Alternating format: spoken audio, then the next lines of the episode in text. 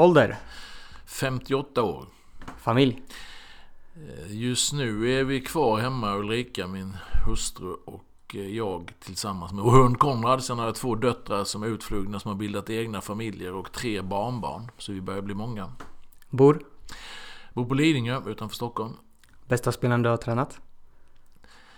Jag, tränat, jag har tränat många bra spelare genom åren så det är väldigt svårt att säga rakt om. Men kanske den spelaren som har betytt mest för mig som tränare så är det Andreas Ante G Johansson som jag hade i Norrköping. Eh, som, som hade väldigt stor påverkansgrad i det vi gjorde de åren i Norrköping. Som slutade med ett guld och som sen klart hade stor påverkan på att jag har det här jobbet jag har idag. Så att Ante är väl den spelaren som har betytt mest på det sättet. Sen har jag tränat jättemånga duktiga spelare genom tiderna men det tar lång tid att räkna upp dem. Favoritlag? Favoritlag är Alets IK hemma i Halmstad. Det är min moderklubb som är det som är närmst hjärtat. Sen håller man ju alltid extra på de klubbarna man har tränat. Jag var 21 år i Halmstad bollklubb så det är klart det betyder en del. Norrköping självklart de fem och ett halvt åren. Så att, eh, men, men eh, äh, Alet är det om vi pratar fotboll. Pratar vi handboll så är det handbollsklubben Drott också hemma i Halmstad. Det är väl de två som, håller, som är närmst mig. Förebild?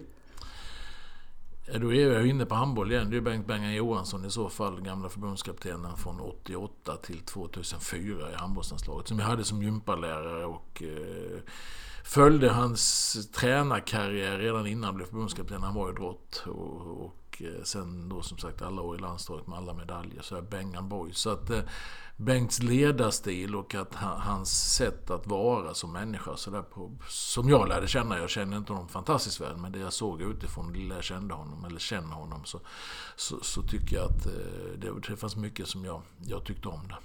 Naturgräs eller konstgräs?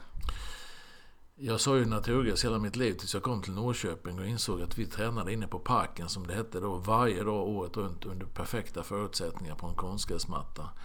Eh, då svängde jag lite grann och insåg att det här är bra. Därför att eh, det är viktigare att kunna träna bra. Var matcherna spelas någonstans är mindre viktigt för mig. Därför att en riktigt bra gräsmatta idag, om vi närmar oss när det har vuxit lite framåt maj, juni sådär.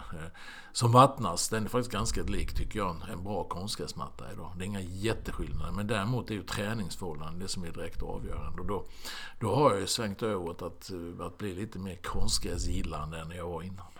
Kostym eller träningsoverall på match? Numera är det kostym. Eh, jag har haft lite olika perioder som klubbtränare, blandade jag lite. Jag tycker att det är ett festligt tillfälle när det är match och det har också blivit så att ofta i samband med matcher som ansvarig tränare eller som förbundskapten så så ska man representera på olika sätt. Man ska sitta på en presskonferens, man ska, man ska kanske prata för sponsorer och sådär. Då, då, tycker jag att man ska... Då är det snyggare och prydligare med kostym på det sättet. Men det är ingen stor fråga för mig, men det har blivit kostym numera. Vad gör du på match då?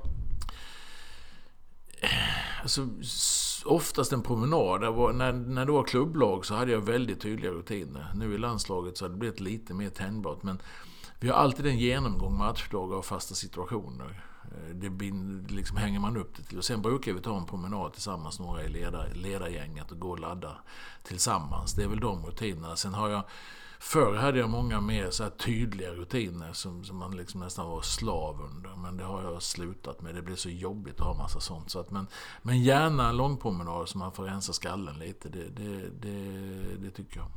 Favoritsyssla utanför fotbollen? Alltså, det är löjligt, säger det som alla andra, men att umgås med familjen, liksom, numera med barn och barnbarn, så är det det roligaste faktiskt. Sen, eh, jag tycker om att titta på trav. Eh, gå på travbanan några gånger om året när sådana grejer tycker jag är roligt. Nu kan man ju inte det i dessa tider heller, men gör jag det med några kompisar. Sitta i restaurangen och ta en pilsner och, och glira på trav, det är roligt. Så att det är väl några sådana grejer. Sen tränar jag en del, försöker träna även om jag numera är sargad i kroppen så jag inte kan träna som förr. Men att röra mig och på så sätt mår bra. Så att jag är nog ganska, jag är nog ganska normal.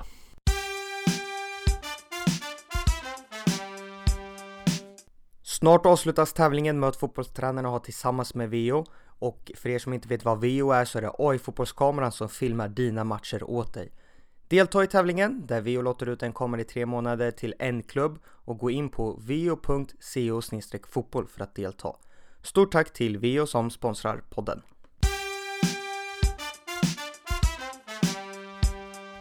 Varmt välkommen Janne Andersson till Möt fotbollstränarna. Tack så jättemycket. Det är en ära att ha med dig i podden. Ja, vad snäll du är. Ja, nej, det är roligt. Jag har hört talas om den här podden. Jag är dålig poddlyssnare, så jag har inte lyssnat på någonting. Men däremot har jag hört talas om det, så det ska bli intressant att prata fotboll. Hur mår du en, inte regnig, utan en snöig tisdag som denna? Jag mår ganska bra. Jag har promenerat hit på morgonen. Tog 2.15 idag för det var lite slirigt och halt där ute. Men, men, eh, så det var en bra start på dagen. Suttit och tittat lite Y-scout. Eh, håller på att planera någon resa framöver. Så, där. så att jag, det är lite småpyssel även om det är lite annorlunda än vad det brukar vara den här perioden. Den här perioden är ju en period man reser väldigt mycket normalt och det, det, blir inte lika mycket resande. Så att det är lite tråkigare på det sättet mot vad det brukar vara men annars mår jag bra. Hur har ditt jobb nu påverkats under Corona när man inte kan resa och träffa spelarna som du vanligtvis gör?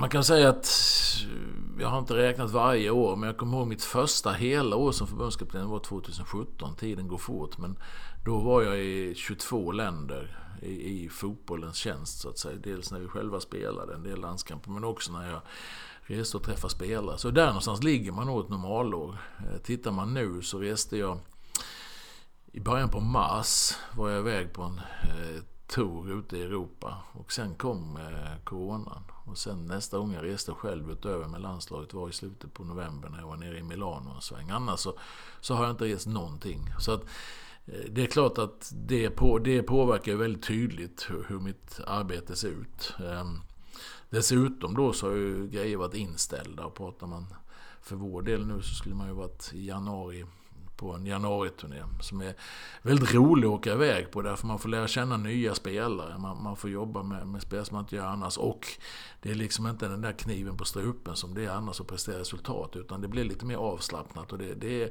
jättebra turnéer. Det har visat sig genom åren då bara under mina år eller våra år att det är ett antal spelare som sen har kommit in i landslaget. Och då har de redan fått en försmak på det. Vi har lärt känna dem, de har lärt känna oss under januariturnén. Så att den är jättetråkig att vi inte kunde åka på. Eh, det var ju ett uppskjutet EM i somras och så vidare som alla känner till. Så att, visst är det så att det har blivit konkret annorlunda och jag brukar säga man ska inte beklaga sig. Får man jobba med fotboll i grunden och ha det jobbet jag har så ska man aldrig klaga. Men det är klart att det är tråkigare. Det är tråkigare nu än vad det brukar vara. Så kan man sammanfatta det, här om det finns positiva grejer nu också såklart.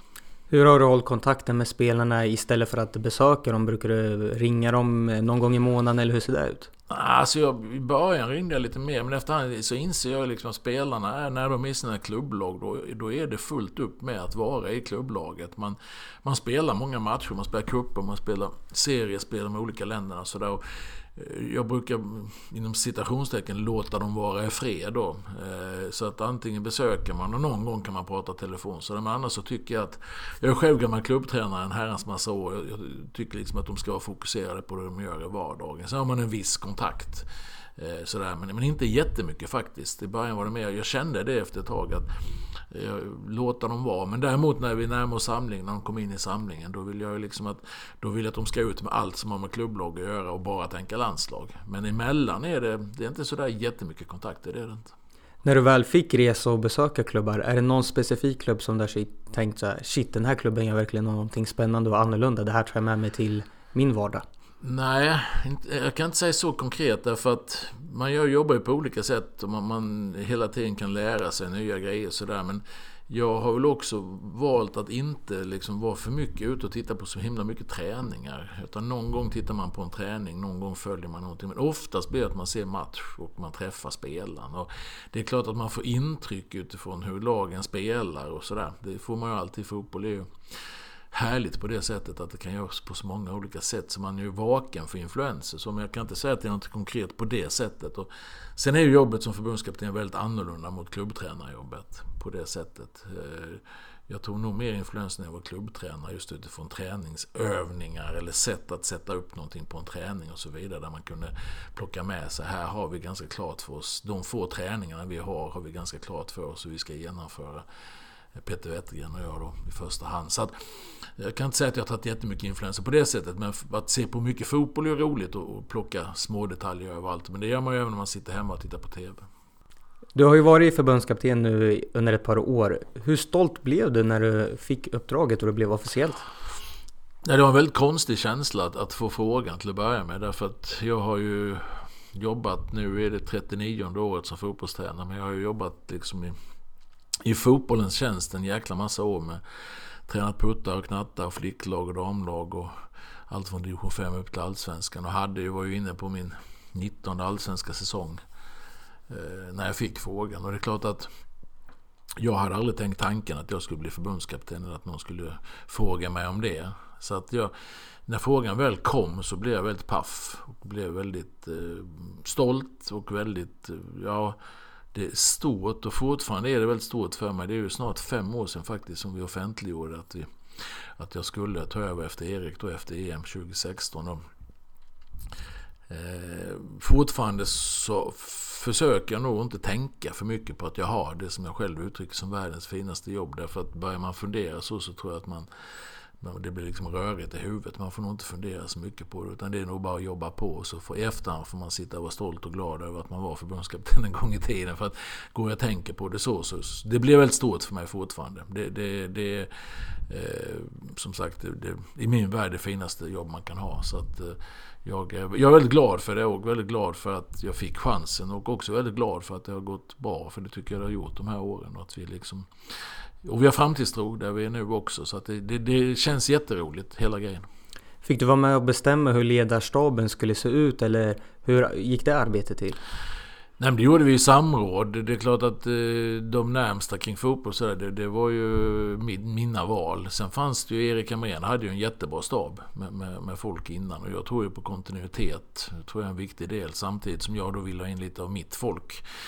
Så därför valde vi att byta en del av de som hade jobbat med Erik. Inte för att de på något sätt var dåliga och inte räckte till. För det var jättebra, både ledare och människor. Men däremot så, så ville jag som sagt ha in några av mina. Så att det gjorde vi i samråd. Men, men eh, de som var närmast fotbollsmässigt, de var ju, det, det blev mina val på det sättet. Därför att det är ju de som är viktigast för mig. Sen, sen är det viktigt med, med, med läkare, och materialförvaltare och kock och allting sånt. Men där är, det är inte lika viktigt i in, det initiala skedet för mig. Det har visat sig att det är fantastiskt bra bra människor det också. Så att vi har en väldigt bra ledarstab idag. Som jag, jag, jag är jätteglad för. För att det är en av liksom grunderna till att kunna nå resultat med ett landslag det är ju att allting runt omkring funkar så bra som möjligt. Det är det ju även i en klubbmiljö. Men i en landslagsmiljö så är det ju extremt viktigt eftersom vi träffas så sällan. Och när vi väl träffas så har vi liksom inte tid att lägga massa energi på att saker inte funkar. Utan allt måste funka på bästa sätt. Då har spelarna chansen att komma in i, i den miljön och då kunna prestera. Så att ja, vi, har, vi har ett väldigt bra ledargäng allihop och det känns jätteroligt. Hur viktigt är det just att man jobbar med personer som man klickar med, som man trivs med? Och du har ju skrivit i din bok att det du söker hos dina ledare kan man förkortas med KEIP-modellen. Ja, kan du beskriva lite om den? Nej, men alltså när, jag, när jag tittar på ett team runt omkring så är det ju det, K står ju för kompetens. Alltså att man, man, eh, man måste ju vara kompetent i det man ska göra såklart. Eh, så det, det, man har en kompetens i sin roll oavsett vilken roll det är. E står för energi och det är ju att man vill tillföra energi. Jag har jobbat med, med människor som är väldigt kompetenta men som egentligen är väldigt dåliga på att tillföra energi till andra, som inte vill göra andra bättre. Det är ju en av mina grundbultar, det är ju att man ska vilja göra andra människor bra, oavsett i vilket sammanhang ge människor förutsättningar för det. Så att, men jobba med de som, som har, har hög kompetens men inte vill ge någon energi utan bara suger energi från andra. De, de är jag inte så intresserad av att jobba med. Utan då jobbar jag hellre med människor som har lite lägre kompetens. Man kan lära sig saker och ting om man har rätt attityd och inställning.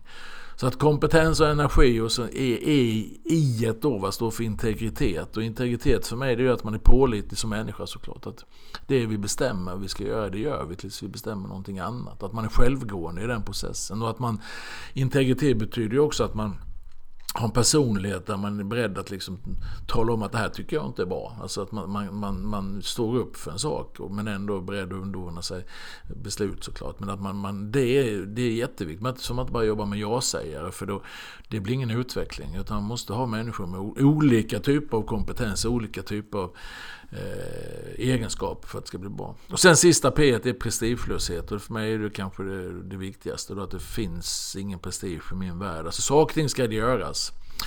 Människor ska få förutsättningar att göra det de, deras, vad, vad de har för uppgift att göra. De ska få de förutsättningar liksom till 100%.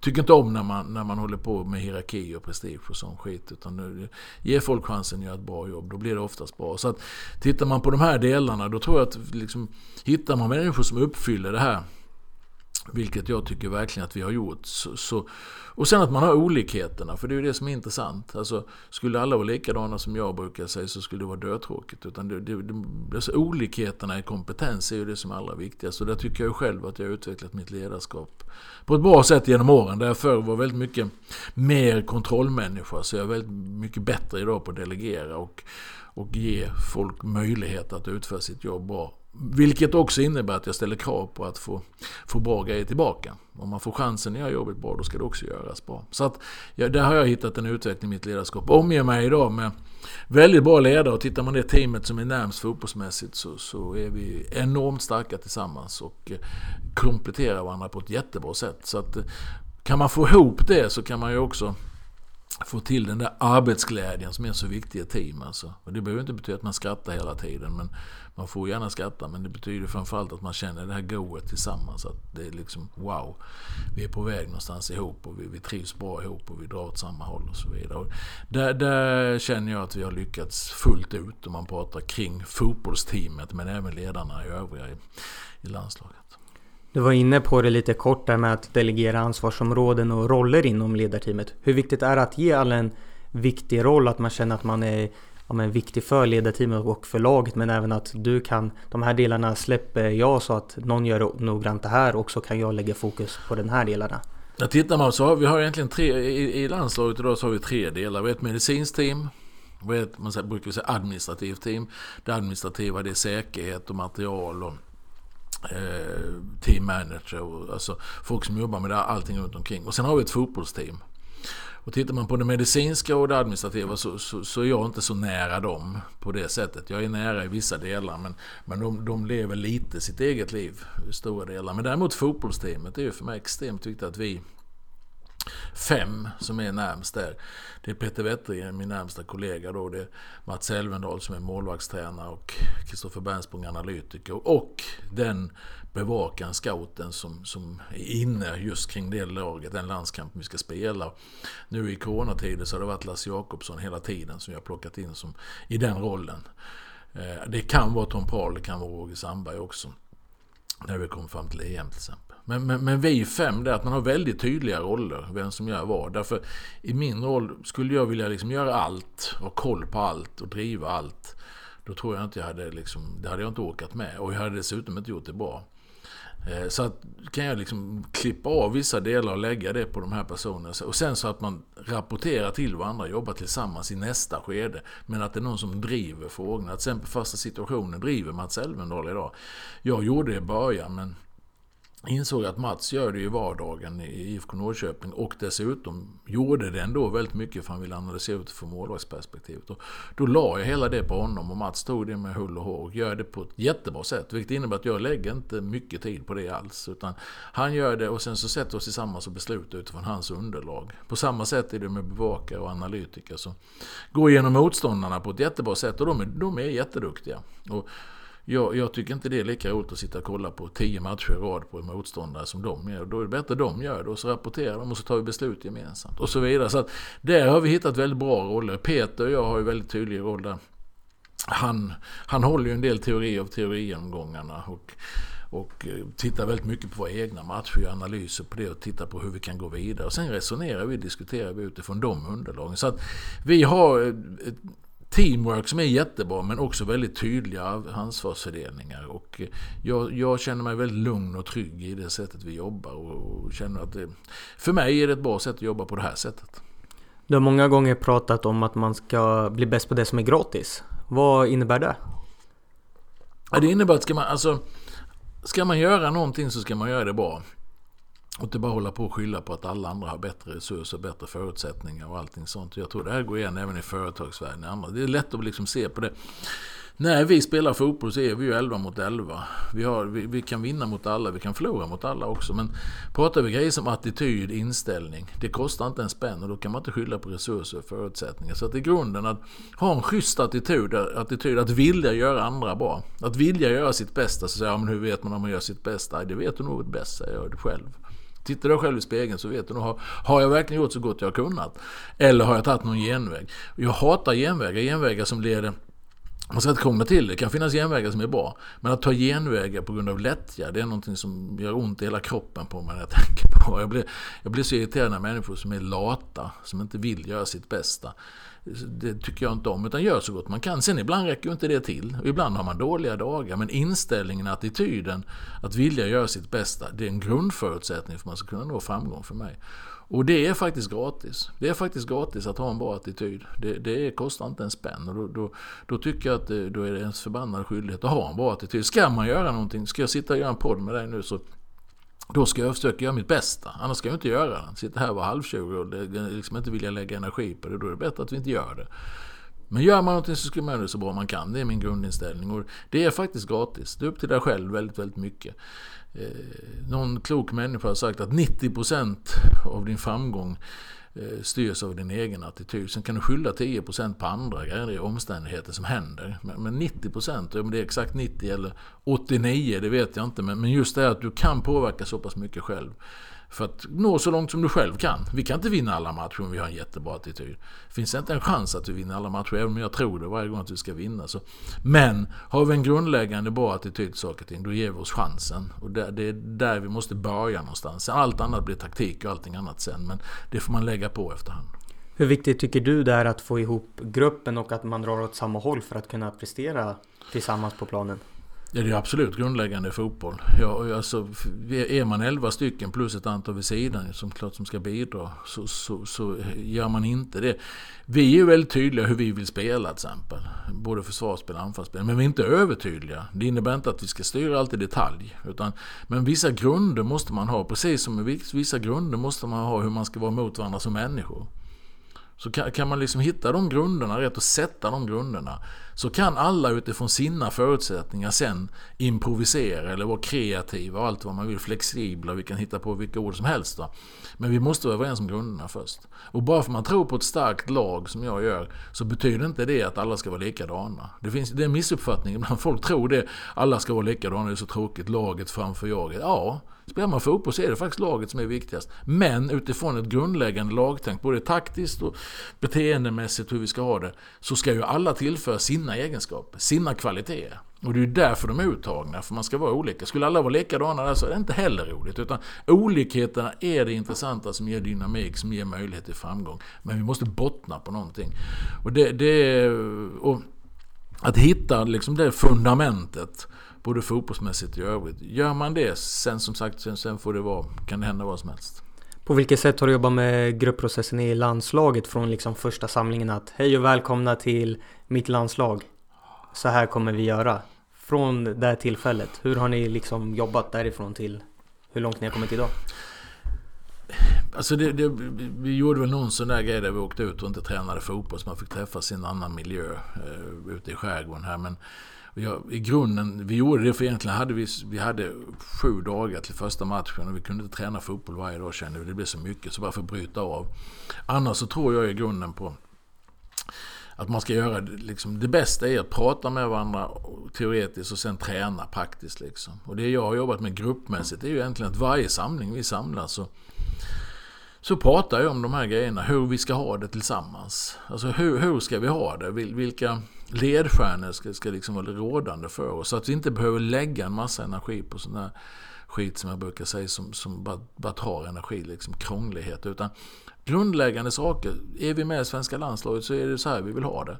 Och det har ju spelarna varit med och påverkat vissa grejer och fått tycka till om vissa grejer. Så, så, men, men är vi överens om det så är det ju det som gäller tills vi bestämmer något annat som jag har sagt. Och då, då är det väldigt skönt för då jag brukar säga alltid ut med klubblagstänk och in med landslagstänk när du kommer in i landslaget. Då ska du veta, okej okay, nu är det landslaget, då är det det här som gäller. Då är det det här som gäller. Och vet alla det, har klart för sig det, då, då blir det väldigt skönt. Och det är inte så att jag har hundra regler som folk ska förhålla sig efter. För har man massa regler så måste man leka polis. Då måste man se till att det blir konsekvenser om man inte följer reglerna. Utan det är ett förhållningssätt till saker och ting. Hur, hur ska vi ha det tillsammans? Jo, vi ska ha det bra tillsammans. Och så förklarar jag ungefär hur jag tycker det ska vara. Så att det är egentligen en pågående process som jag har, jobbar med varje samling. Eftersom det är så med i klubblag så kan man kan man många gånger gå vidare liksom. Men vi får oftast börja om och repetera när vi träffas för att säkerställa vissa grejer. I och med att vi då som sagt inte umgås varje dag som man gör ett klubblag. Och det, det är en viss skillnad i processen. Men vi, vi, har varit tydliga från dag ett att jag pratar alltid hur ska vi ha det tillsammans utanför planen före jag börjar prata om hur vi ska ha det på planen. Därför att är vi överens om de grejerna så blir allting så mycket enklare. Är det förhållningssätt som ni ledare har satt upp eller är det en diskussion mellan att okej okay, idag kommer vi prata om vilka förhållningssätt vi vill ha i landslaget? Nej, det är egentligen jag som har satt upp det från början. Men, men också varit öppen med att man, man eh, får tycka till om det såklart. Men det är egentligen vilka grunder som jag och Peter som vi satte ihop från början. Liksom. Hur, hur vill vi att vi ska ha det? Och sen, sen eh, är det som sagt, vi har haft uppe det på gruppdiskussioner med spelarna och får tycka till ibland om, om, om det är något speciellt. Och jag har inga problem med men att man, eller inga problem, jag tycker det är bra att man är delaktig i vissa processer. Vissa processer är ju mina. Det, det ska, kan jag liksom aldrig avsäga. Men, men andra processer är ju, är ju väldigt bra att få med spelarna att tycka och tänka kring. Så det är lite olika men alltså tydlighet och konsekvens på något sätt så tror jag det blir bra över tid. Och så, jag känner mig väldigt trygg i min egen ledarroll vilket gör att jag inte jag krånglar inte till saker och ting heller så mycket. Kan du nämna några ledstjärnor som ni har? Ja, så, det kan jag väl göra. Nej men det här med ut med klubblagstänk och in, in med landslagstänk. Så att oavsett om du har spelat i i helgen, för så är det ju, eller inte spelat, eller ligger sist i tabellen, eller först, eller du avbyter, eller du, du spelar i USA, eller du spelar i arabvärlden, eller Kina, eller Tyskland, eller Sverige, eller var du spelar någonstans. Så, så gäller det liksom ta väck allt det och sen ställa in skallen, nu är det svenska landslaget, och vad är det då som gäller här? Då gäller det vissa grejer taktiskt, fotbollsmässigt, men vi, vi, jag pratar om till exempel hur vi ska bete oss när vi är ute och reser eller på hotellet, när vi är bland andra människor. Jag tycker det är jätteviktigt att vi som enhet uppträder snyggt och prydligt. Att folk ska liksom, vi är det finaste som finns i, i världen, i min värld. Och, och det innebär att när vi kommer i svenska eh, overaller med svenska flaggan på, då, då, då, representerar vi inte bara oss själva, utan vi representerar faktiskt en enhet, någonting annat. Vi är svenska landslaget. Och då innebär det att man får tänka till lite, liksom, att man inte gör massa grejer som man kanske gör annars. Och sådär. Och gör du det annars så är det upp till dig själv, men är du med landslaget så, så vill vi ha ordning och reda på grejerna. Så det är ett exempel, det finns flera andra exempel. Vi har, vi har ju samarbetspartners, till exempel i landslaget. Och det är klart att vi har ju då Adidas som vi jobbar med. Och har du Nike eller något annat i ditt klubblag så är det viktigt att du inte kommer i en Nike-keps när du är med landslaget. Utan då är det faktiskt Adidas som ska visa respekt mot våra samarbetspartners och så vidare. Många sådana här små grejer. Så det är, inga, det är inga krångliga grejer men det tillsammans skapar ändå en gemensam värld på något sätt. Jag pratar om hur, det här med bete, hur man beter sig. Alltså liksom att man, är man en hotellreception och sådär, att man, man tänker sig för hur, hur andra människor uppfattar en. Och generellt så har vi fått de här åren fått jättebra feedback från folk på olika sätt. Och det är inget självändamål för att det bygger en kultur. Det bygger en kultur tillsammans. Hur man vill uppfattas och hur man, hur man vill vara. Och det tar vi med ut på planen sen, på precis på samma sätt. Hur viktigt är det att du som ledare liksom leder med exempel över det ni kommer överens om? Att det är viktigt att vi ska samla material tillsammans så att ja men Janne skiter i att samla materialet så varför ska jag göra det?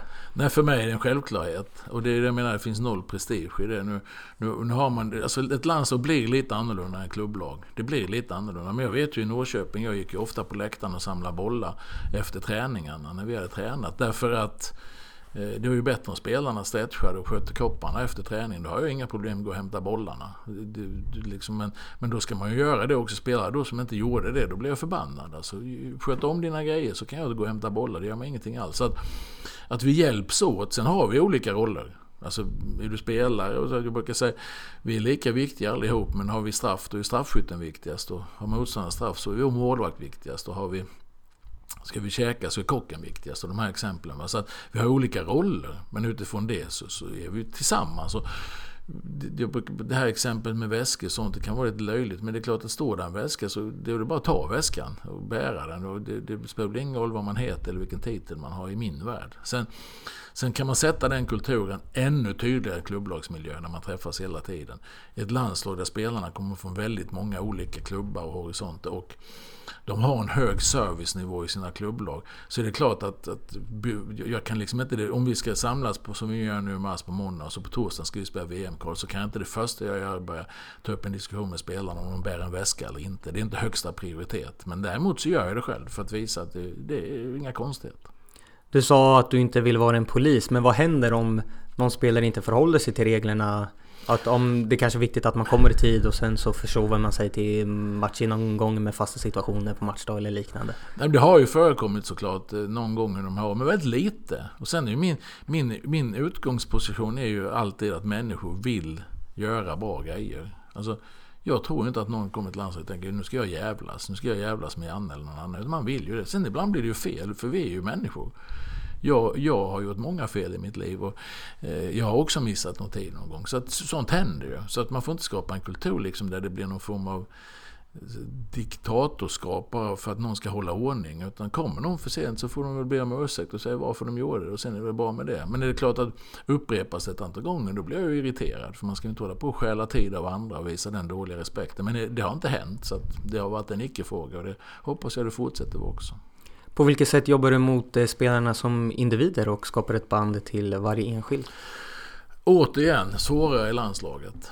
Mycket svårare eftersom vi, vi träffas så lite som vi gör. Så att vi, försöker, vi försöker prata med de flesta men det hinna med allting under de här dagarna på en samling. Det, det, det är ganska jag ska inte beklaga mig, men det, du ska hinna med dig själv också. Du ska hinna med förberedelser, du ska hinna med att jobba. Så, så att, ja, det är väl det jag upplever som mest vad ska jag säga, om man jämför med klubblag, mest, vad ska jag säga, det, det, det, blir inte lika personligt på det sättet. Och framförallt det här som jag saknar från klubblagsmiljö, det är ju att jobba med eh, unga spelare. För det har jag alltid liksom tilltalat så. Jag var i Halmstad i många år. Jobbade både som ungdomsansvarig och assisterande tränare och chefstränare så småningom. Eh, jobbat Norrköping så, så var det ju faktiskt så att vi, vi vann ju med yngsta laget i Allsvenskan och flest egenfostrade spelare. Så att jag har alltid jobbat mycket i vardagen. Och just den här processen att det kom upp en 16-17-åring och så tränade han med A-laget första gången och sen så går det ett år och sen så är han, får han spela liksom någon B-match eller U21-match och sen så, så blir han lärling i A-truppen och sen är han inne i A-truppen. Sen helt plötsligt så spelar han inne på, på A-planen och det är egentligen ingen som vet hur gick det till. Det, liksom, det, det har bara blivit så på vägen. Och den processen att, att vägleda unga spelare både fotbollsmässigt och som människor jag brukar säga att vissa dagar så får man klappa dem i huvudet, vissa dagar får man klappa dem på kinden och nästa dag får man krama dem och nästa dag får man sparka dem i ändan och så vidare. Så att hela tiden vara med. Den är, den är alltså, den saknar jag. Det är väl egentligen det jag saknar mest från klubblagsmiljön. Just utifrån de klubbarna jag har varit. Där det varit, vi har varit klubbar med sämre eller mindre bra ekonomi. Man tar Halmstad under alla år. Och Norrköping har idag en god ekonomi. Men jag kom dit så man ju konkursmässiga hade eh, varit i Superettan. gick upp precis. Sen har man byggt upp det på ett bra sätt. Men, men det har gjort att man var tvungen att, att vara bra på att jobba med yngre spelare. Och det, det kan jag säga att det saknar jag. För det, det har jag upplevt som oerhört stimulerande. Och när, man tittar, när man tittar sen var de tar vägen, spelarna, de hamnar ute i Europa. Så där man har faktiskt varit med någonstans på vägen. Och, och bidragit lite grann. Det känns, det känns alltid lika roligt. Eftersom du inte kan vara alla spelare lika nära i landslaget. Är det viktigare att du är närmre några spelare, kanske de som är ledare i, i truppen och kanske lagkaptenen främst då? I grunden så är eh, för mig lagkaptenen eh, en jätteviktig. Jag har alltid haft bra lagkapten eller alltid sett till att ha bra lagkaptener. Men därför lagkaptenen är ju liksom en temp på vad, vad, hur gruppen tycker och lagkaptenen ska ha ett helikopterperspektiv att kunna känna av och veta liksom att har man någon fundering ibland så ska man kunna lyssna med lagkaptenen. Och det är liksom din man på planen och på olika sätt. Så lagkaptenen har alltid en liten bättre, även i landslaget. Så har jag haft innan med, med lite mer. Men, men sen, eh, sen är det väldigt varierande. Alltså man, man vill ju, vissa spelare vill man ju ha, ha någon period så känner man att aha, han, han känner jag nu att han måste jag åka och hälsa på för det känns rätt att göra det. Andra spelare så känner man att det kanske inte är lika viktigt. Så att jag kan inte säga att det, det styrs av om det är de viktigaste spelarna. Men det är klart att de som är med för det mesta, de blir ju någon form av stamspelare. Och de blir ju lite viktigare att ha en löpande kontakt med på det sättet. Men inte speciellt mycket, alltså, som jag sa innan. Inte speciellt mycket. Hur väljer du din lagkapten? Alltså utifrån, för mig är det ju någon som, som har just den här förmågan att liksom eh, känna av eh, hur gruppen resonerar liksom. För det kan ju vara, så jag kan ju tycka någonting och sen så, så kanske det är helt annorlunda. Eh, och det måste ju lagkaptenen ha integriteten att kunna framföra till mig. Att det här tycker, vi, tycker inte jag är bra utifrån för jag tror att det är så här. Och då pratar jag inte laguttagning och sånt utan generellt hur vi spelar. Eller hur vi... Sen kan man säga att i landslaget är det ju väldigt unikt därför att det finns så många bra lagkaptensämnen. Alltså det är ju det är så många spelare som är så långt gångna, både taktiskt drivna och även som, som atleter, som idrottsmän. Det är ju därför de är i ett landslag. Så att i landslaget skulle vi kunna ta ut, därför har jag gått runt när Granen har varit skadad på, på en del lagkaptener också beroende på vilka som har spelat lite. Därför jag tycker att de är lika bra lagkaptener allihop. I klubblag har det varit mer viktigt liksom att ta en lagkapten som man känner tillsammans med mig kan vara min gubbe i omklädningsrummet i vardagen och vara med och styra utvecklingen i vissa delar och lyssna av och känna av och så. Så i landslaget är det mer där som sagt, där finns det att välja på. Så där, där, där, och det är roligt. Det, vi, vi har generellt sett väldigt bra, väldigt bra killar och människor i vårt landslag idag. Det är roligt. Skulle du säga att du ställer högre krav på din lagkapten på något sätt? Nej, inte, inte så. Men det är väl det är klart att har du en... Det jag förväntar mig det är integriteten. Alltså att vi, vi ska kunna prata med varandra och jag ska kunna lita på att att vi liksom håller det mellan oss och sådär. Och jag ska kunna lita på också att om han tycker att någonting inte är rätt på ett sätt, att han också framför det. Liksom. Det är väl mer det, att man har den respekten för varandra. Där känner jag väl kanske att det, man pratar kanske inte med alla spelare om allting. Men lagkapten kanske man pratar lite mer grejer som kan vara lite alltså, halvhemliga på något sätt ibland. Va? Och då är det viktigt att han har förmågan att sortera det på rätt sätt. Så där ställer jag höga krav. Sen annars så, så är det ju en... Det, det, det får ju inte bli en belastning att vara en lagkapten. Utan det, det, så att det är så att det ställs högre krav på andra sätt. Utan där tycker jag man ska vara det man är. Om man blir man lagkapten så ska det ju vara utifrån de egenskaperna man har. Det är precis som jag brukar säga mig själv. Om jag har fått det här jobbet som förbundskapten så har jag fått det för jag är en viss typ av människa, och har en viss kompetens och så vidare. Då ska jag inte börja vara någon helt annan. Utan då ska jag ju vara den jag är och göra det på mitt sätt. På samma sätt är det på en lagkapten. Han ska ju vara den han är. Det är ju därför han har blivit lagkapten. Skulle du säga att det på något sätt är svårare att hantera spelare i landslaget som är på absolut högsta nivån och i vissa fall kanske lite större egon jämfört med att vara tränare i Allsvenskan? Generellt sett inte. Eh, man kan säga att i landslaget är det ändå så unikt som att man blir uttagen varje gång. Så det är ju en uttagning och då tar jag ut 23 spelare om det är ett mästerskap. Och vi får 23 spelare samband med match. Och oftast tar vi ut en eller två till eftersom vi har ett antal träningar innan. Det blir alltid någon som blir skadad. Vi, ska kunna, vi kör väldigt mycket 11 mot 11 på träningarna. Då vill vi kunna driva träningen på ett bra sätt. Och därför tar vi oftast ut, och ibland vill man se någon spelare extra och sådär. Men, men eh, och, och, alla spelare som kommer till en landslagssamling är ju faktiskt så här långt positiva och glada för att ha blivit uttagna. Pratar man sen med dem varför de får spela och inte spela så, så, så de allra flesta spelare har en viss förståelse för det. Eh, att man inte får spela, man får förklara det för sig. Så att jag, jag, känner inte på det sättet eh, att det skulle vara svårare i ett landslag. För att det, de har kommit lite längre. Sen ibland det här med att det är större egon. Jag har ju träffat många större egon som inte varit landslagsspelare. Så, så att eh, jag, jag, det, det, är en liten, alltså, de tjänar lite mer pengar, de kör lite finare bilar, de har lite bättre klockor generellt, spelarna i ett landslag. Men annars är det ju killar som, som spelar fotboll. Alltså, de, de älskar att spela fotboll och är bra på det och har tränat hårt för att komma dit. Liksom. Så att de är ju, det, det, det, man får inte krångla till det för mycket heller. En del av tränaryrket är ju precis som du nämnde att ge spelare tråkiga besked att de inte är uttagna eller varför de inte är med i startelvan. Hur hanterar du sådana samtal? Jag hanterar dem genom att alltid säga det, det första jag gör med att plocka in en spelare, eller om jag tar in en spelare som nu jag har mitt förbundskaptensrum på, på där vi bor, eh, på Scandic Park. Och, och eh, så, så ber jag spelaren komma dit, om jag inte har tagit det i samband med träningen. Ibland, vi har alltid matcher någon gång kvällen innan match. Och då får de laget. Och det är inte alltid jag har bestämt mig vid träningen med lunchtid dagen innan match. För då kan jag ta det i samband med träningen och gå och prata med dem lite. Men annars så, så ber jag dem komma ner innan middagen och så, till mitt rum och så, så, så säger jag som det är. Att tyvärr så kommer du inte vara med i startelvan imorgon. Och ibland har jag en väldigt bra motivering, ibland har jag en mindre bra motivering. Men eh, jag säger det med detsamma. Jag, jag, jag tror att sitta, liksom, sitta och kallprata en liten stund först och sen så helt plötsligt säga att du ska inte spela. Jag tror det är bättre att lägga upp sanningen direkt. Och sen, eller vad man vill ha att säga med detsamma. Och sen kan vi resonera kring det. Spelaren kan resonera. Så Och sen så tar jag alltid spelaren i hand och tittar honom i ögonen innan vi skiljs åt. Och frågar om vi är överens. Så att vi är överens. Och har han någonting som han känner att han vill ta upp så ska han göra det där och då med mig. Och ingen annanstans. Det är liksom grunden för mig. Om man om man nu, blir, man säger, om man nu anser att man blir petad så att säga. Eh, det är många spelare som inte får spela som jag inte pratar med. Där jag känner att ja, de borde förstå det här själva. Och det är ganska självklart som sagt. Men eh, tar man kanske bort någon som har spelat matchen innan. Så där, då försöker jag alltid ta det så att de får reda på det innan resten av gruppen får reda på det.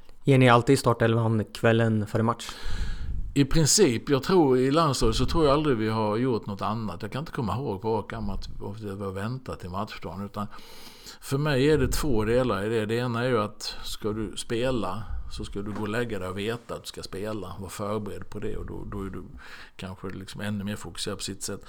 Eh, och ska du inte spela så har jag full respekt för att man blir väldigt besviken och så för att man inte får spela. Men då har man chansen på sig att gå till rummet och tjura och och samla ihop sig. Och sen dagen efter komma med energi igen och bidra med energi. Man kan vara så på mig fortfarande, det, det får man vara. Men, men, inte mot kompisarna. Utan man, man ska ju bidra med energi. Och försöka göra det så bra som möjligt utifrån den rollen man har. Så därför tycker jag det är viktigt. Och I början var det jag vet ju andra förbundskaptener som har tyckt att man, man eh, blivit irriterade på att det har läckt ut startelvan och sådär. Men för mig är det ganska ointressant. Alltså om, om, vi spelar med den spelaren eller den spelaren och motståndaren får reda på det dagen innan. Det, det avgör inte matchen vi ska spela dagen efter. Då är det viktigt att vi själva har styrsel på grejerna. Spelarna vet om de ska spela eller inte spela.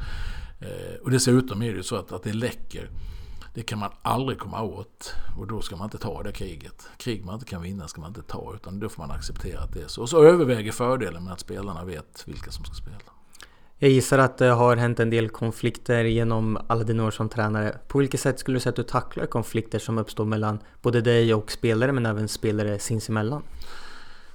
Som mig och spelare så är det klart att där kan vi ha olika uppfattningar men jag, jag är, i grunden är jag väldigt förlåtande i mitt ledarskap. Det tror inte folk som bara sett mig i offentliga sammanhang. Men jag, alltså människor gör ju fel. Alltså, eller, och ibland gör man ju fel utan man vet om det. Jag gör fel och man kan uttrycka sig dumt ibland. På, så här, och då får man ju säga sorry, det, det där var inte bra liksom. Och så får man ju reda ut det. Och det det har jag eh, generellt sett inte haft några stora problem med. Men jag har aldrig varit rädd för att ta en konflikt heller. Alltså, märker att det här känns inte rätt utifrån mitt perspektiv och så känner jag av det med folk.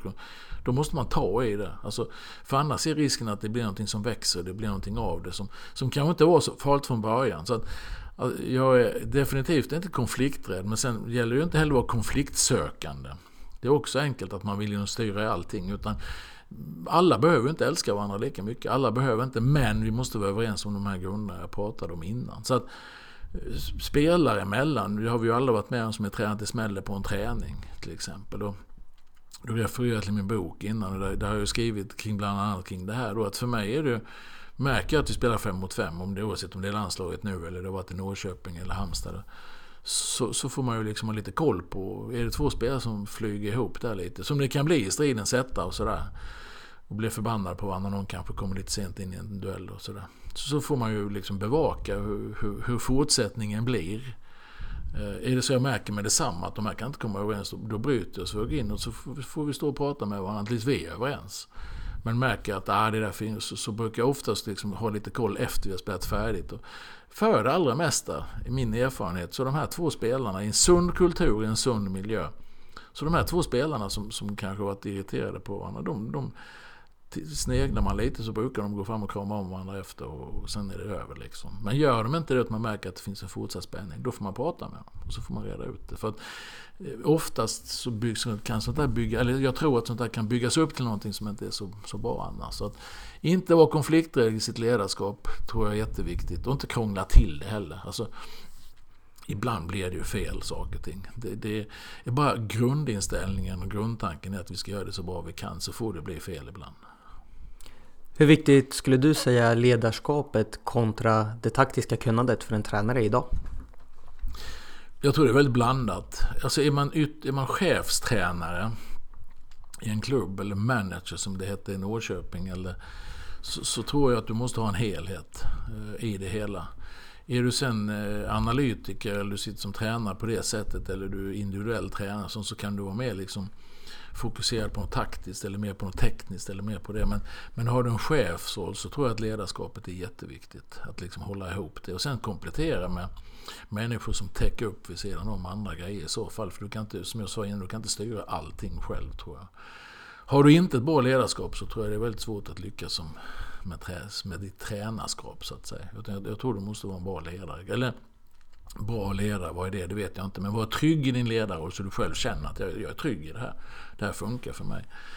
Eh, så att jag, jag, eh, men som förbundskapten så tror jag det, det är ännu mer ledarskap än vad det är kanske som klubbtränare. Därför att vi har så lite få träningar, få matcher. Så vi måste ju vara helvassa när de är såklart. Men, men väldigt mycket går åt också till att hantera en massa andra saker. Och där kanske ledarskapet är viktigare än det taktiska kunnandet i, i de frågorna. Så att säga. Så, Eh, man, kan, det, det, man kan inte utesluta något av det. Men, men jag tror i en chefsposition så tror jag att du, du, ditt ledarskap är jätteviktigt. För du, du kan vara jättebra taktisk och så vidare. Men får du inte med dig folk och, och liksom jobba i den riktningen du vill och sådär. Så hjälper det nog inte hur mycket bra taktiker du än är. Utan du, du måste nog få med dig människor. Kan du beskriva din fotbollsfilosofi, hur den ser ut? Nej, det kan jag inte för då får vi sitta länge. Det, det beror på hur man ser på det. Men i grunden så för mig så, så, så eh, är vi ju elva stycken. Och har vi bollen så ska vi alla elva bidra till att vi kan skapa målchanser. Har motståndaren bollen så ska vi alla elva stoppa dem från att göra det någonstans. Det, det är väl där man börjar. Sen så kan man... Jag tror ju att Nå någonting som blir enkelspårigt tror jag inte på, utan en variation i allting. Jag kommer ihåg när jag tränade Laholm på 90-talet så använde vi ett uttryck som heter blandfotboll. Och det var liksom att vi, vi, vi kunde vi spela eh, kort korta uppspel, spelade via mitt så gjorde vi det. Men kunde vi inte det, då satte vi den längre bollen. Så att vi blandade vårt sätt att spela. Jag tror liksom att eh, om man inte har extremt skickliga spelare som man verkligen kan handplocka utifrån ett exakt sätt att spela. Om vi tar Spanien när de var som bäst med, med sina spelare. Det gick inte att ta bollen ifrån dem. Så det är klart, då kunde man lira på ett visst sätt. Eller kan gå tillbaka till den engelska skolan. Jag som var med på 70-talet och tittade på Tipsextra när, när man spelade matcher på leråkra. Liksom. Att spela upp bollen kort mittfältet, det var, det var samma som att ge båten och det var livsfarligt. Så då, då dyngade man långt. Va? Men det är liksom ytterligheterna på något sätt. Men annars så tror jag på en blandning i spelet. Men Grunden för mig är ju att vi, vi, vi ska våga vara offensiva. Alltså när vi vann SM-guldet med Norrköping så var vi vi anföll oss till SM-guldet 2015 vilket var jätteroligt att vi, vi kom så långt i vårt egna spel att vi klarade det. Nu när man då har ett landslag, vi tränar så lite tillsammans som vi gör så är det, alltså ett anfallsspel är mycket svårare att, det är samhandling, det är mycket svårare att, att driva igenom ett anfallsspel. Ett försvarsspel kan man bestämma mer själv. Man kan bestämma hur högt man ska lägga sig på plan, i planen. Man kan bestämma hur mycket man ska spela markeringsspel, zonmarkering, hur man vill spela positions och så. Och då får motståndaren liksom försöka hitta hålen. Men, du kan, men ett anfallsspel, och om motståndaren går högt på oss nu så ja, ska vi då rulla nerifrån i eget straffområde? Ah, tveksamt. Men går de lite lägre, det är klart då ska vi ha idéer om hur vi spelar för att ta oss fram i planen utifrån det perspektivet. Så att på, på, så sätt så blir det här med fotbollsfilosofi väldigt, det blir väldigt spretigt utifrån ett resonemang. Men själva grunden för mig det är ändå att, att eh, vi ska våga. Vi måste våga när vi är ute på planen. Men vi ska också vara jäkligt synkade. Och att du kan liksom inte... Folk säger så här, men ska man vara mer kreativ? Ja, det är helt okej att vara kreativ. Självklart är det det. Men lägger vi under med 3-0 och vi måste göra fyra mål för alla springer kreativa så är det ju inte så bra. Ja men ska vi vara eh, bara defensiva? Ja, ah, det är ju dödtråkigt att spela 0-0 varje match. Liksom, vi måste ju våga framåt. Och väldigt mycket handlar ju om, som förbundskapten, vad jag har för spelarmaterial.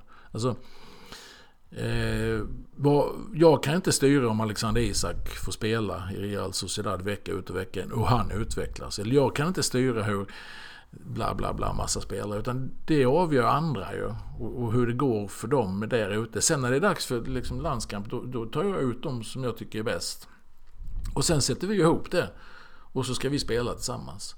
Och det är klart att har vi då många spelare som utvecklas, Kristoffer Olsson, som har utvecklats, som har liksom egna unika egenskaper tycker jag. Han var ju inte med för två, drygt två år sedan, två och ett halvt år sedan. För då hade han, han inte kommit så långt i sin utveckling.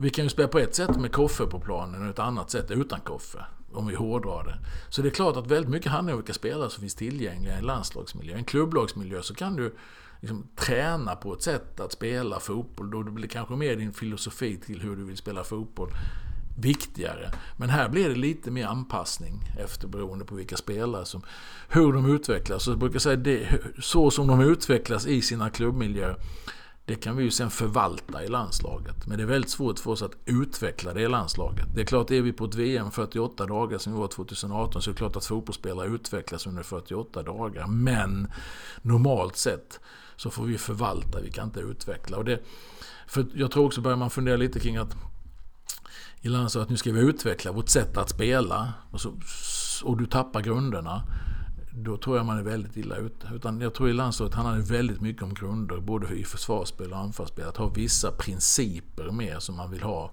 i spelet, som vi jobbar med. Och sen så får man hitta anpassning taktiskt utifrån det.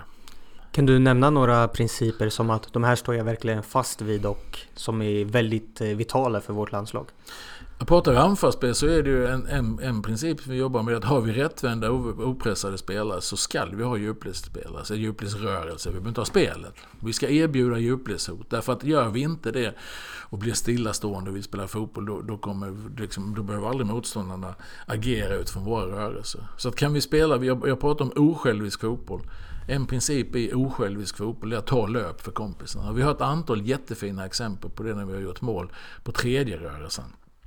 Därför att eh, någon har tagit en löpning. Eh, kan hylla en spelare som Sebastian Larsson, han spelar yttermittfältet, som tar djupledslöp väldigt ofta. Får inte bollen. Vi kan ta, vi kan ta Robin Quaison, vi kan ta Isak, vi kan ta allihop egentligen, Mackan Berg. Som tar djupledslöpningar så fort vi har rättvända spelare som är opressade. Det är en sån vi pratar om. En annan vi pratar om det är att prioritera diagonala pass i vårt sätt att spela anfallsspel. Att inte spela för raka bollar upp för då blir vi oftast uppkäkade. Och hitta diagonala pass i planen. Eh, vi pratade om att det vi sa innan. kommer Peter Wettergren, jag ska gå och äta. Nej men det vi sa innan, titta. principen att vi inte hamnar i att bara spela kort eller bara spela långt, utan hitta en blandning i spelet. Det är en princip, variation i vårt sätt att spela. Det är några principer i anfallsspelet. Kan man prata försvarsspel så kan man ju prata om att vi, vi eh, inte vill ha lag, motståndarna inne i oss. Vi vill inte ha dem bakom oss. Vi vill ha dem utanför oss och vi vill ha dem framför oss. Och det bygger liksom hela vårt sätt att spela försvarsspel på. Eh, vi kan prata principer, att närmst pressa boll och vi kan prata, men det, det, är egentligen ganska grundläggande försvarsmässigt som så många andra. Men i de olika delarna så finns det olika principer sen. Men mera principer än, än taktik kan man väl säga att vi pratar oftast.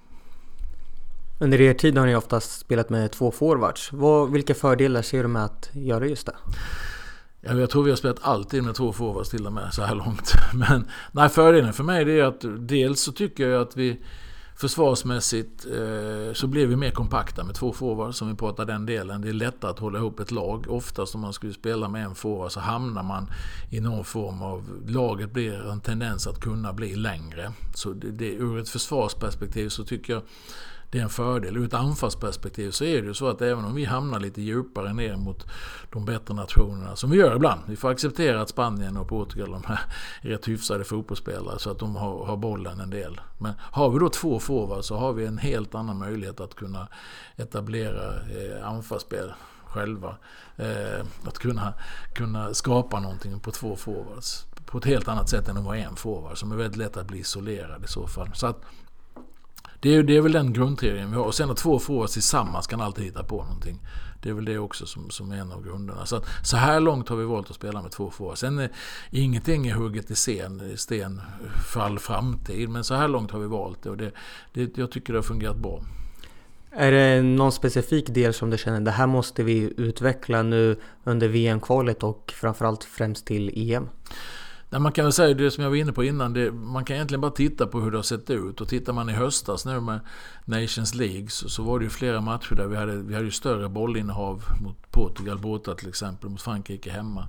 Konsekvensen av det blev att vi hade en sämre balans ibland. Så att nyckeln för oss nu är att att fortsätta våga driva ett eget spel. Att kunna ha lite mer boll. Men inget självändamål att ha mycket boll. Alltså, det är inget självändamål att ha bollen mer än motståndaren. Men det är klart, kan vi ha mer boll och driva spelet på så sätt med kanske lite större individuell skicklighet i vissa positioner. Så öppnar det ju möjligheter. Men det får inte få bli på bekostnad av att vi har en dålig balans och vi åker på en massa omställningar mot oss. Vilket vi gjorde under hösten. Vi släppte både in ett antal mål och släppte till som vi inte har gjort innan. Så det är ju den balansen det gäller att hitta. Att fortsätta eh, våga men samtidigt vara smartare och ha bättre positionering när vi själva har bollen. Vad skulle du säga lockade dig att satsa på tränaryrket?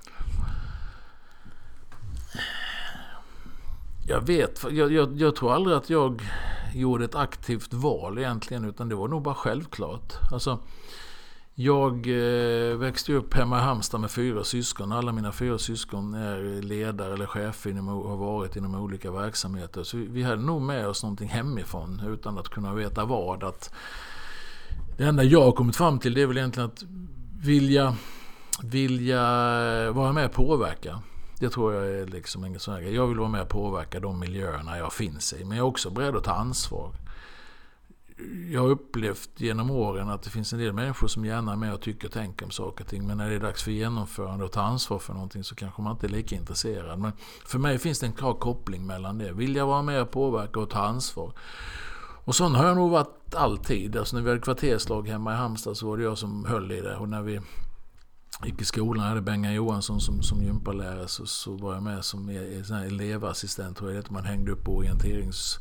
De här vad de heter ute i skogen, de här orangevita och, och sådär. Så att jag har nog alltid liksom haft tänk att vara ledare. Jag har varit lagkapten liksom var väldigt tidigt och jag var det väl i alla lag nästan när jag växte upp och sådär. Så att det, det, det, blev nog bara så. Och sen när eh, syrran började spela fotboll och de inte hade någon tränare så, så blev jag tränare för det flicklaget. Och sen har det liksom bara rullat på. Så jag har. Jag, har inte, eh, jag, jag, jag, tror, jag har aldrig känt så att nu ska jag bli tränare. Oj, utan det har bara blivit så. Hur skulle du beskriva att du har lärt dig det taktiska i fotboll? Alltså jag har ju, framförallt har jag jobbat med många duktiga kollegor. Jag, jag redan som 27-åring var jag assisterande tränare i Allsvenskan till Stuart Baxter som, som präglade mig väldigt mycket. Stuart var ju väldigt präglad av Roy Hodgson innan. Roy var ju i Halmstad ett antal år tidigare. Innan det var väl egentligen som satte grunderna i HBK skulle spela genom åren. Så att, men med Stuart fick jag ganska stor ska säga, vi var ju två stycken då som skötte allt. Vi, hade, vi var ju målvaktstränare och fystränare. Man gjorde allting på den tiden. Och, så jag har nog lärt mig den hårda vägen, både själva yrket men också att jag har jobbat med många duktiga tränare på vägen. Jag jobbar med nu jobbar jag med Peter Wettergren som är, som är väldigt duktig, taktiskt driven. Jag jobbade i Norrköping med Stefan Hellberg som jag tyckte var jätteduktig.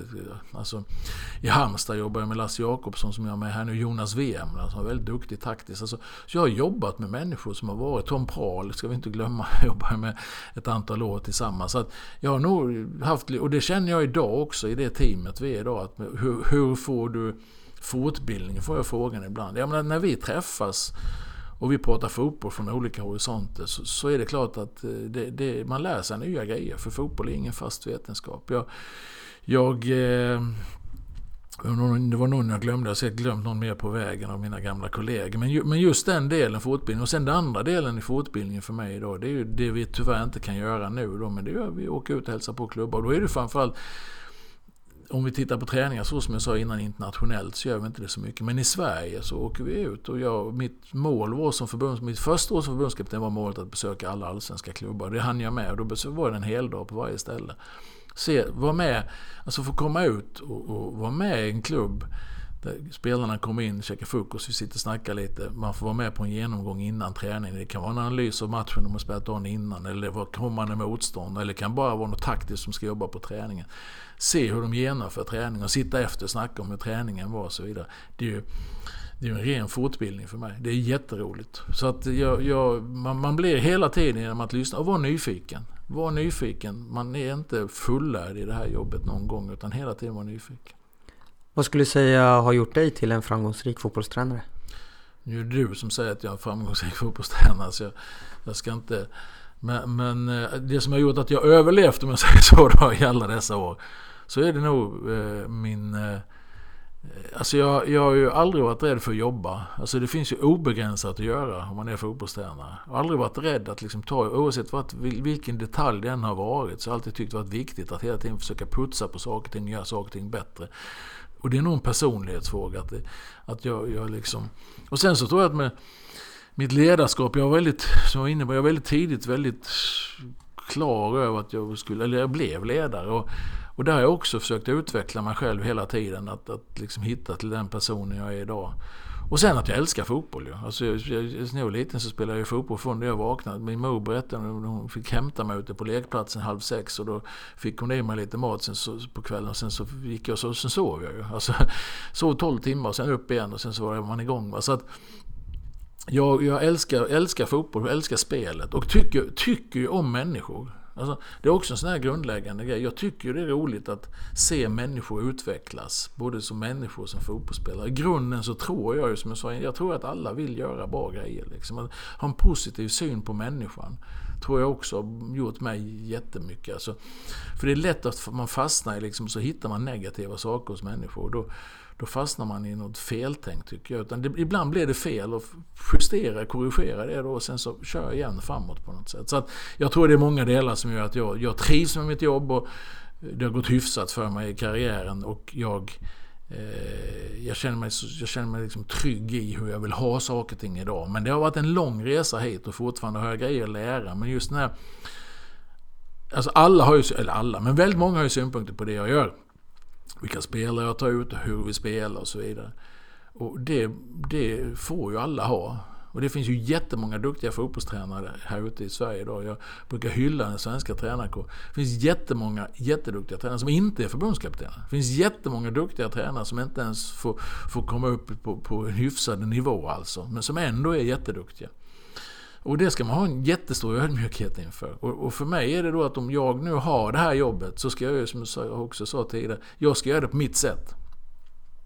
Och sen får alla tycka och tänka precis som de vill. Och jag har inga problem med det. För jag, jag om någon annan hade haft det här jobbet, hade jag tyckt jättemycket om det också. Och den, den saken måste man ha klar för sig. Men att vara trygg och lugn i sig själv, i hur man själv vill ha det. Dit har jag kommit idag. Och det, det, det är jätteviktigt tror jag, om man ska vara på elitnivå så tror jag att man måste vara det. Så det inte blir att man springer och lyssnar för mycket och blir för känslig för saker Man ska vara nyfiken, man ska ha team runt omkring sig där det är högt i tak. Men man, får, man måste också ha, liksom, eh, kunna stå emot allting annat. Så man gör det på sitt eget sätt. För sig hemska tankar om jag nu är förbundskapten att det här inte blir bra. Och sen sitter jag i efterhand. Varför gjorde jag så? Det, det var ju liksom, det är ju inte jag. Varför, varför gjorde jag så? Bara för att någon tyckte eller den tyckte eller det blev så. så, så. Nej, det får inte hända. Va? Då får det hellre gå lite fel och så får man säga jag gjorde det på mitt sätt. Och det, så tror jag rent generellt. Sen ska man vara smart och det finns många smådelar på vägen. Men själva grundinställningen tror jag ska vara den. Är det någonting du har kämpat med skulle du säga? Det är ju väldigt mycket uppståndelse kring herrlandslaget med spelare och vem ska vara med, vem ska inte vara med, varför spelar han på det där sättet och så vidare och så vidare. Nej, jag har inte kämpat med det. Jag, det jag gör är att jag läser inte krönikor och sånt. Jag är inte aktiv på sociala medier. Jag har liksom ingen, ingen koll på det. Och jag, jag tycker det är jätteroligt att ha ett jobb som folk är så intresserade av och folk har, alla har synpunkter på. Eller alla igen, inte alla, men väldigt många. Det är jätteroligt för alternativet att ingen ska vara intresserad är mycket sämre. Men däremot så kan jag ju liksom inte värdera vad alla tycker och tänker. Så jag, krönika och sånt där. För skulle du skriva en krönika någonstans så hade du säkert någon gång skrivit något negativt om mig. Och hade vi då suttit och pratat så här nu så hade jag liksom suttit och den jäkeln. Det var han som skrev det och det. Och ja, du får skriva precis vad du vill. Men däremot om det blir personligt och det blir skit, och då får jag reda på det. För då har jag folk som, som bevakar marknaden åt mig. Så då får jag reda på det om det är något. Men annars, alltså om du tycker jag skulle spela med honom eller honom eller jag bytte den spelaren. Alltså ja, fotboll, det, det, det får du jättegärna tycka. Och jag brukar säga om du tycker det så den dagen du blir förbundskapten så får, så får du göra det på ditt sätt. Liksom. Men jag måste vara trygg i att jag gör det på mitt sätt nu. Så att jag, jag, jag ska inte säga att jag fjärmar mig från omvärlden, för det kan man inte göra. Men jag tar inte aktiv del av allt vad som tycks och tänks, utan det, det, det, det, ja, det får det göra. Jag gör så gott jag kan och sen får det bli som det blir. Mer kan jag inte göra. Vilka är dina absolut bästa tips till tränare som lyssnar på podden? Det var lite det jag varit inne på nu egentligen. Att man, man hittar liksom alltså hitta, no, hitta ett förhållningssätt där man själv känner att det här är jag, det här står jag för. Och det kan ju vara både som människa men även som tränare. Liksom. Det, här, det här är liksom grunderna och sen så utifrån det vara nyfiken och vilja läsa saker. Och sen prestige tror jag inte är bra. Att man liksom tänker för mycket hierarkier, man tänker för mycket hit och dit. Och det, det kanske är lätt för mig att säga som nu är förbundskapten. Men jag har faktiskt varit sån alltid att inte hålla på med liksom pinka revir och hålla på så. Utan tro på människor. Tro på att de vill göra sitt bästa. Och är det så att de vis, skulle visa att de inte vill det så får man väl tala om det för dem då. Men annars så tro på människor. Det, det, det tror jag är en, en sån grundläggande grej. För att om man skulle vara Motsatsen är att man inte tror på människor. Det är ju inte bra om man ska jobba med att utveckla människor, utveckla någonting. Så att, eh, och sen så Sen kan man ju inte vinna alltid. Alltså när jag, när jag var lite yngre så var ju resultatet, det var ju liksom A och O för mig på något sätt. Och vann vi så var jag, vet jag, jag, jag eh, hade en Leif Ljungberg som var assisterande tränare till mig ett antal år när jag var i Laholm och så åkte vi bil tillsammans ut. Så när vi åkte hem så sa han, du, du, hade vi vunnit så satt jag, då var allting som vanligt liksom. Han sa, du är så tråkig, för vinner vi så är allting precis som vanligt. Och förlorar vi så sitter du här i 20 och dom och vänder och vrider och gapar och skriker. Och då, resultatet var liksom A och O. Och det är ju det i grunden, framförallt som förbundskapten så är resultatet. Men det intressanta är ju ändå liksom att hur var matchen egentligen? Alltså, hur var det?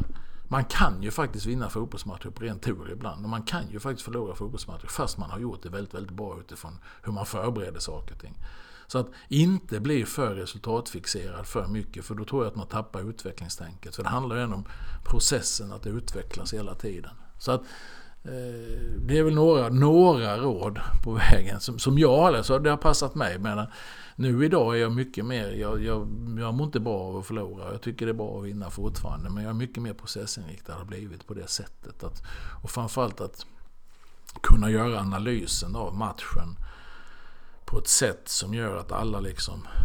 Att alla, försöker få ihop det på ett sätt så att alla eh, spelare och tränarteam har ungefär samma bild av så här var matchen. För då har man det som en referenspunkt en annan gång och gå tillbaks.